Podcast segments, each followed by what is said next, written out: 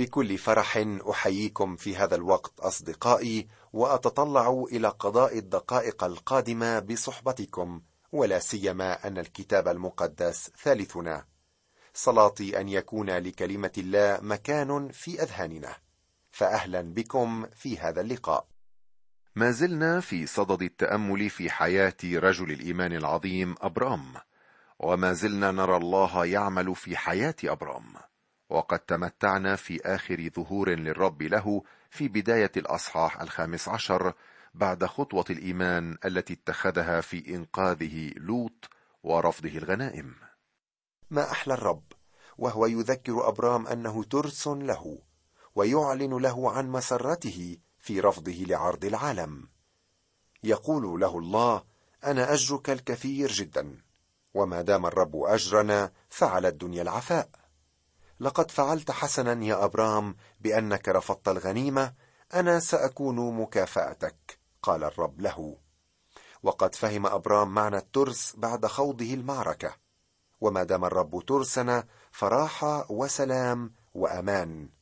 نعم يا أخي لا تتصور ماذا يمكن لله أن يفعل مع الذين يأتون إليه بالإيمان. كان أبرام يتوق ليحصل على ابن له. وهنا نجده يطالب الله بمواعيده بأن يجعله أبا لأمة كثيرة. تنبه إحساسه بالحاجة الكامنة في أعماق نفسه فأخذ يعبر عنها. كأن أبرام يقول ما قيمة الأرض إذا كانت في نهاية المطاف تؤول إلى ابن بيتي أي عبدي. ثم يأخذ الله أبرام في وسط الليل ويقول له انظر إلى السماء وعد النجوم إن استطعت أن تعدها. وقال له هكذا يكون نسلك. ولم يكن أبرام قادرا ابدا أن يعد كل النجوم. قلنا في نهاية الحلقة الماضية إنه يوجد نسلان لأبرام. نسل جسدي هو الشعب القديم ونسل روحي هو الكنيسة. كيف تصبح الكنيسة نسل أبرام روحيا؟ بالإيمان. قال بولس إن أهل غلطيه هم أبناء إبراهيم بالإيمان بيسوع المسيح ليس من الجسد بل بالروح. نعم كل الذين يقبلون المسيح في حياتهم بالإيمان يصبحون نسلا روحيا لإبراهيم. أرجو أن تكون من هذا النسل الروحي مستمعي. وصلنا في تأملاتنا إلى العدد السادس من الأصحاح الخامس عشر من سفر التكوين وهو من أروع الأعداد على الإطلاق. ستقرأ لنا الأخت ميسون بينما نتبع معها في كتبنا المقدسة. ستقرأ ابتداء من هذا العدد السادس وحتى نهاية الأصحاح الخامس عشر. فآمن بالرب فحسبه له برا وقال له أنا الرب الذي أخرجك من أور الكلدانيين ليعطيك هذه الأرض لترثها. فقال أيها السيد الرب بماذا أعلم أني أرثها؟ فقال له خذ لي عجلة ثلاثية وعنزة ثلاثية وكبشا ثلاثيا ويمامة وحمامة. فأخذ هذه كلها وشقها من الوسط وجعل شق كل واحد مقابل صاحبه وأما الطير فلم يشقه. فنزلت الجوارح على الجثث وكان أبرام يزجرها. ولما صارت الشمس إلى المغيب وقع على أبرام سبات وإذا رعبة مظلمة عظيمة واقعة عليه. فقال لأبرام اعلم يقينا أن نسلك سيكون غريبا في أرض ليست لهم ويستعبدون لهم فيذلونهم أربعمائة سنة. ثم الأمة التي يستعبدون لها أنا أدينها وبعد ذلك يخرجون بأملاك جزيلة. وأما أنت فتمضي إلى آبائك بسلام وتدفن بشيبة صالحة. وفي الجيل الرابع يرجعون إلى هنا لأن ذنب الأموريين ليس إلى الآن كاملا. ثم غابت الشمس فصارت العتمة وإذا تنور دخان ومصباح نار يجوز بين تلك القطع. في ذلك اليوم قطع الرب مع أبرام ميثاقا قائلا لنسلك أعطي هذه الأرض من نهر مصر إلى النهر الكبير نهر الفرات. القينيين والقنزيين والقدمونيين والحثيين والفرزيين والرفائيين والأموريين والكنعانيين والجرجاشيين واليبوسيين فآمن بالرب فحسبه له برا. عبارة من أعظم العبارات التي قيلت في الكتاب المقدس. وكأن أبرام يقول للرب آمين.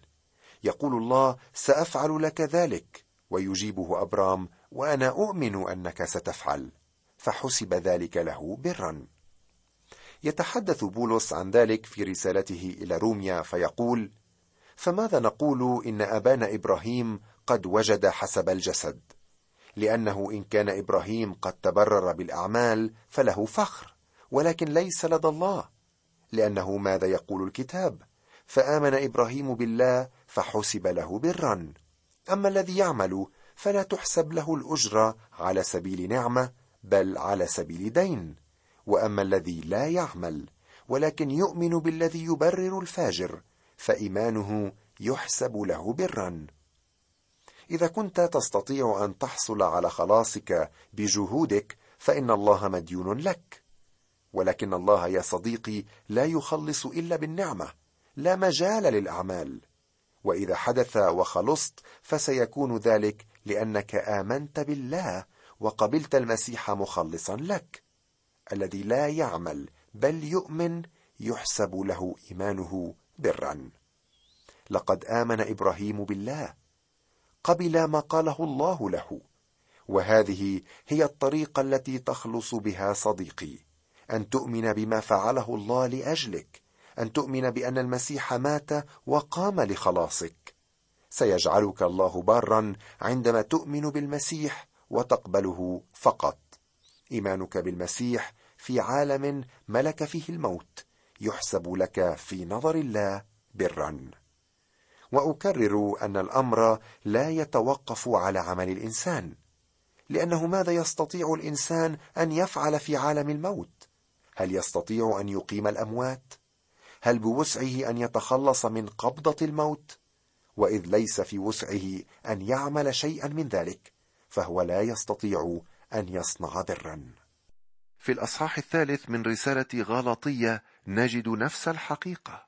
كما آمن إبراهيم بالله فحسب له برا.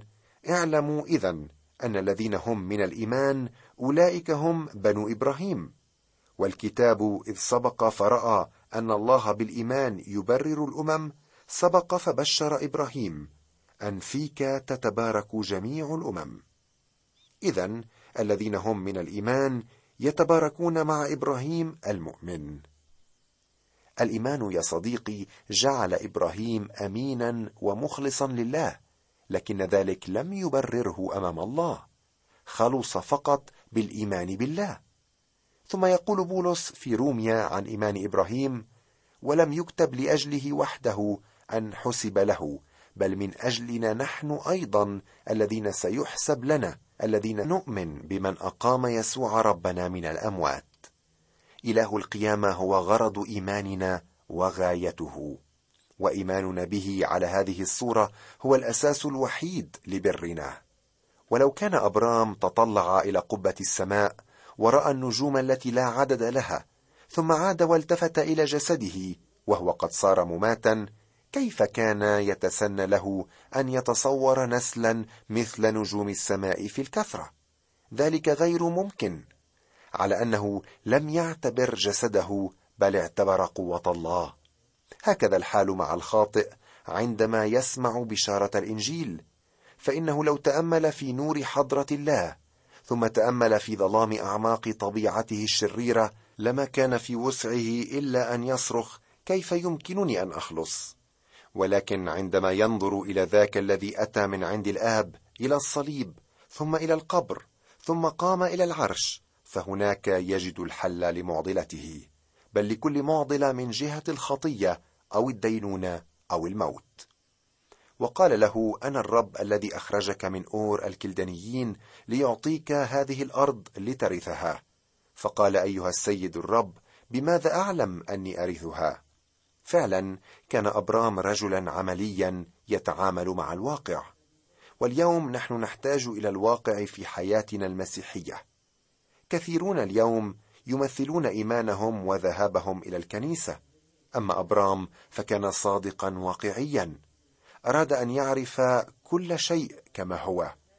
لقد قال الله لأبرام بكلمات القانون اليوم ما يلي اذهب إلى المحكمة وسأوقع معك عقدا على الاتفاق المبرم بيننا. طبعا لم يلفظ الله هذه الكلمات ولكن بهذا المعنى. اسمع ما قال. فقال له خذ لي عجلة ثلاثية وعنزة ثلاثية وكبشا ثلاثية ويمامة وحمامة. فأخذ هذه كلها وشقها من الوسط وجعل شق كل واحد مقابل صاحبه. أما الطير فلم يشقه. طلب الله من أبرام أن يعد ذبيحة بالطريقة التي قرأتها.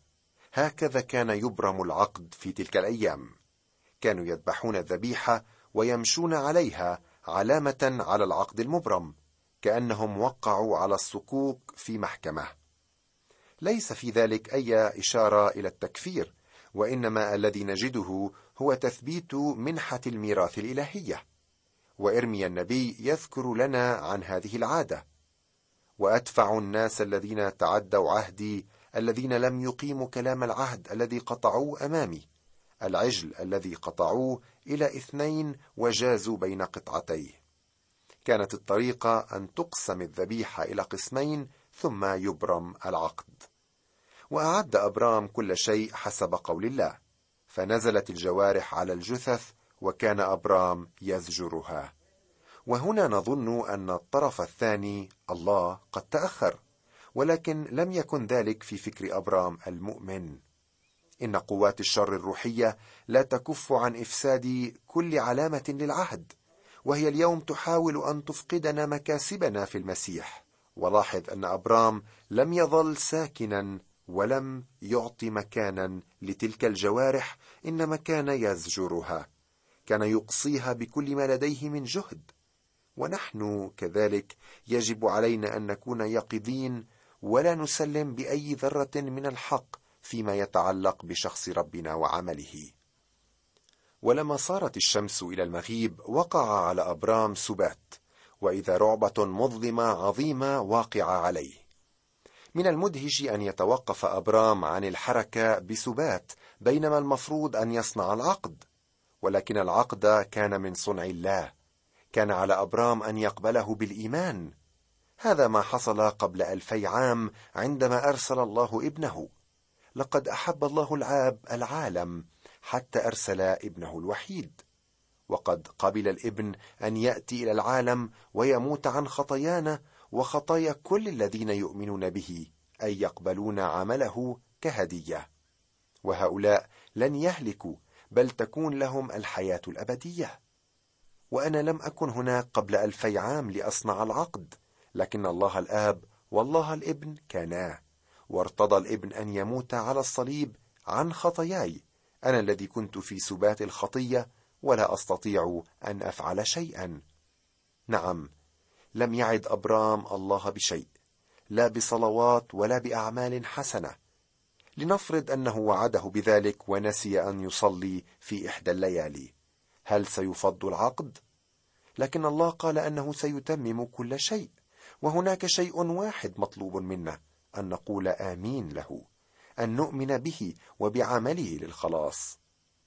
يحكى عن أم سافر ابنها إلى الخارج ليكمل دراسته الجامعية وعاد الابن غير مؤمن. فراحت الأم تتحدث مع ابنها عن عظمة الله وعن أنها متأكدة من خلاصها. فشعر الابن بالاستفزاز قليلا وسأل أمه كيف تعرفين أنك خلصت؟ إن نفسك لا تصل إلى حجم هذا العالم. لابد وأن الله ناسيك ولا يمكن أن تتاكدي من خلاصك. لم تجب الأم بشيء بل تابعت تقديم الطعام لابنها. وبعد الأكل قالت له أعتقد أنك على حق يا بني. ربما فعلا لا تقدر نفسي بشيء نسبة إلى هذا العالم. ربما في غمر هذا العالم لن يفتقدني الله. ولكنه إذا لم ينقذني فإنه سيفقد أكثر مما سأفقد أنا. أنا لن أفقد سوى نفسي الصغيرة لكن هو سيفقد سمعته لأنه وعد بخلاص نفسي. لقد وافق على ذلك لكي لا يهلك كل من يؤمن به بل تكون له الحياة الأبدية. نعم الله هو الذي أتم العقد. هناك درس آخر نتعلمه من السبات الذي وقع على أبرام. كل الذين يضعهم الله في خدمة ويحملهم مسؤولية كبيرة ينبغي أن يمتحنوا. كان السبات بمثابة امتحان لأبرام. جميع أولاد الله يا صديقي مدعوون لميدان الخدمة والمعاناة وتعلم الدروس في مدرسة الله بلا استثناء. والخدمة لا سيما الظاهرية تقترن دائما بالتدريب السري. والخادم المتمتع بشهرة بين الناس يحتاج إلى تذلل أكثر وإلى الروح المنسحقة وإلى الحكم على الذات وقمع الجسد وهدوء الصوت. وهذه كلها ثمرة التدريب الإلهي السري الذي نراه هنا متمثلا في السبات والرعبة المظلمة العظيمة. فقال لأبرام اعلم يقينا أن نسلك سيكون غريبا في أرض ليست لهم ويستعبدون لهم فيذلونهم أربعمائة سنة. هذه المرة الأولى التي سيخرج فيها الشعب من الأرض وسيرجعون إليها ثانية. المرة الثانية ستكون في سبي بابل على يد نبوخذ نصر وسيرجعون إليها. أما المرة الثالثة فستكون سنة سبعين ميلادية عند تدمير أورشليم وبعدها تفرقوا ولم يرجعوا. ثم الأمة التي يستعبدون لها أنا أدينها. وبعد ذلك يخرجون بأملاك جزيلة. وأما أنت فتمضي إلى آبائك بسلام وتدفن بشيبة صالحة. وفعلا خرجوا من مصر بأعداد كثيرة ولكن أبرام لم يعش حتى ذلك الوقت ليرى بنفسه. وفي الجيل الرابع يرجعون إلى ها هنا لأن ذنب الأموريين ليس إلى الآن كاملا. وكأن الله يقول لأبرام لا أستطيع أن أضعك في الأرض الآن لأني أحب الأموريين وأريد أن أعطيهم فرصة ليرجعوا إلي. وأعطاهم الله أربعمائة سنة. ولكن المرأة الوحيدة التي أتت إلى الرب في ذلك الوقت هي رحاب الزانية كما سنرى فيما بعد. ثم غابت الشمس فصارت العتمة. وإذا تنور دخان ومصباح نار يجوز بين تلك القطع. هذه تتحدث عن المسيح. التنور يحكي عن الدينونة والمصباح يحكي عنه كنور العالم. وقد رأينا الأتون والمصباح يؤديان دورهما عند الصليب والقبر. فمن ناحية نقرأ عن صلب المسيح ومن الساعة السادسة كانت ظلمه على الأرض إلى الساعة التاسعة. ونحو الساعة التاسعة صرخ يسوع بصوت عظيم قائلا إيلي إيلي لما شبقتني. أي إلهي إلهي لماذا تركتني؟ ومن ناحية أخرى أشرق المسيح بنور قيامته في العالم وفي قلوب الذين آمنوا به وأحبوه.